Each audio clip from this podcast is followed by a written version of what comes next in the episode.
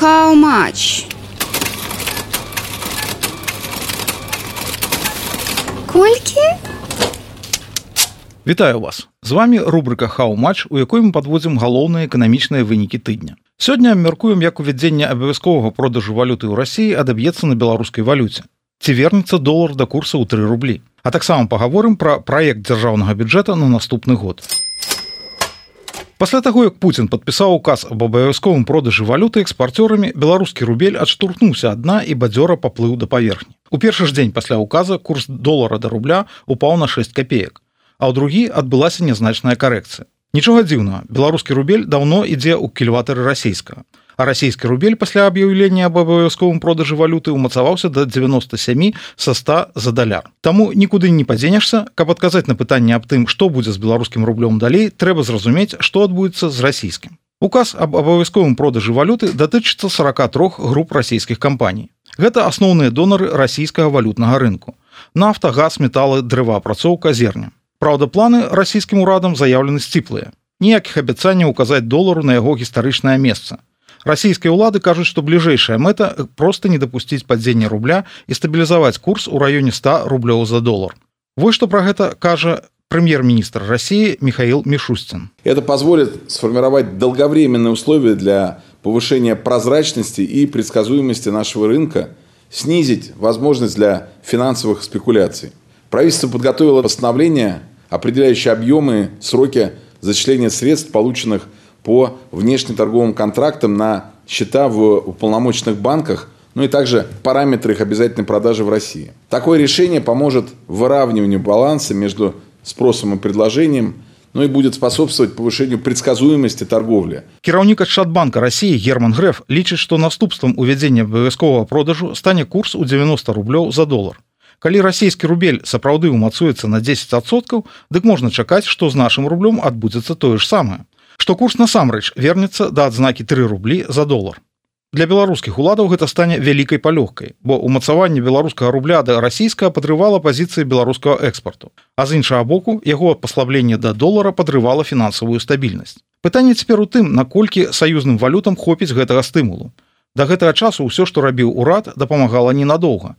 Расійскі рубель умацоўваўся ў моманце, а потым зноў пачынаў каціцца ўніз. Таму што праблема расійскага рубля не толькі ў дрэнных экспарцёрах, якія не жадаюць дзяліцца валютай. Сапраўдная праблема ў тым, што ў рассіі ёсць занадта шмат рублёў, якія мала каму патрэбныя і занадта мала валюты, якая патрэбная каб купляць імпорт. Ну а нашаму рублю нічога не застанецца, акрамя як ісці за валютай саюзніка. Таму што наша эканоміка так цесна звязалася без расійскай, што ў беларускіх уладаў не засталося ні рэсурсаў, ні магчымасцяў паўплываць на курс уласнай валюты.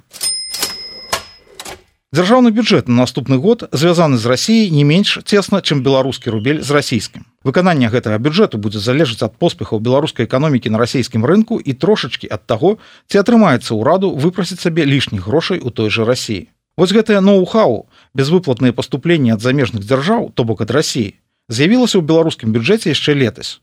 Праўда, раней саюзнік быў больш шчодры, На 23 год Мінфін запланаваў сабе безвыплатныя субсідыі з расійскага бюджэту на 5,7 мільярда рублёў. Між іншым гэта 18соткаў увогуле ўсіх бюджэтных доходаў гэтага года. А вось апетыты на наступны год больш сціплыя. На наступны год Мінфін чакае з рассіі толькі 4 мільярда спонсарскай дапамогі. Мабыць, у рассіі сваіх праблем усё больш, а жаданне ўтрымліваць саюзніка ўсё менш. Але нават 4 мільярды гэта дзясятая частка ад усіх доходаў бюджэту беларускія чыноўнікі вельмі любяць расказваць як яны збераглі калгасы заводы газеты параходы як усё выдатна кіруецца і развіваецца як квітнее эканоміка. Але пры гэтым 10соткаў бюджэту гэта безвыплатная спонсорская дапамога з рассіі калі беларуская ўлада так цудоўна навучылася спраўляцца з эканомікай дык можа варта павучыцца і жыць за свае грошы Але безвыплатная дапамога ў памеры 10соткаў бюджэту гэта вядома дробязь. Няма пра што і казаць. Залежнасць ад рассіі расійскага рынку значна больше. На наступны год беларускі ўрад зрабіў стаўку на рост экспарту. Продажы беларускіх тавараў павінны вырасці да 53 мільярдаў долараў. Адпаведна павінны расці і доходы, якія звязаныя са знешнім гандлем.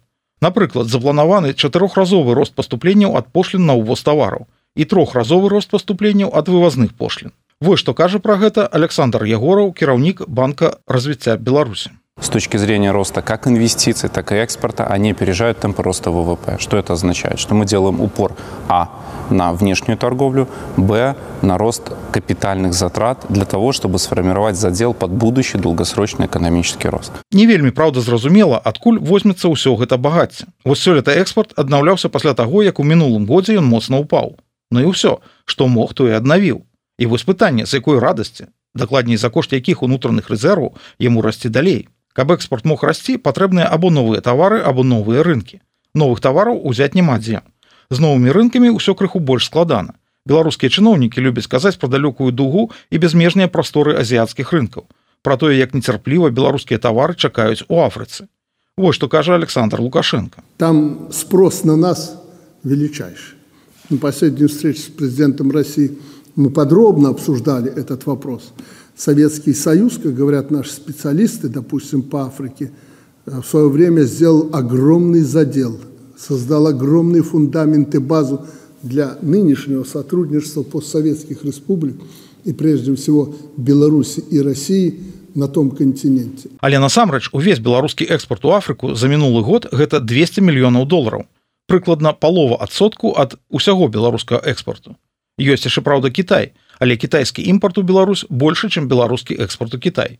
Таму на практыцы ніякіх ілюзій наконт сваёй гандлёвай шматвектарнасці ва ўрада няма. Расійскі рынок застанецца галоўнай надзеяй і апорай беларускага эканамічнага адраджэння.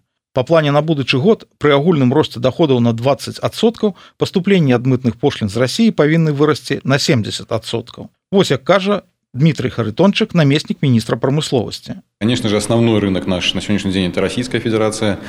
Сложилось так по объективным причинам, э, в том числе из-за изменений э, условий по логистике, изменений конъюнктуры, скажем так, рынка. Вместе с тем мы смогли активно переориентироваться благодаря тому, что предлагали не только традиционные виды продукции, но и все свои самые новые разработки. То бок стаўка зноў на Россию. Без расійскага рынку і расійскай спонсарскай дапамогі не будзе ніякага беларускага эканамічнага цуду.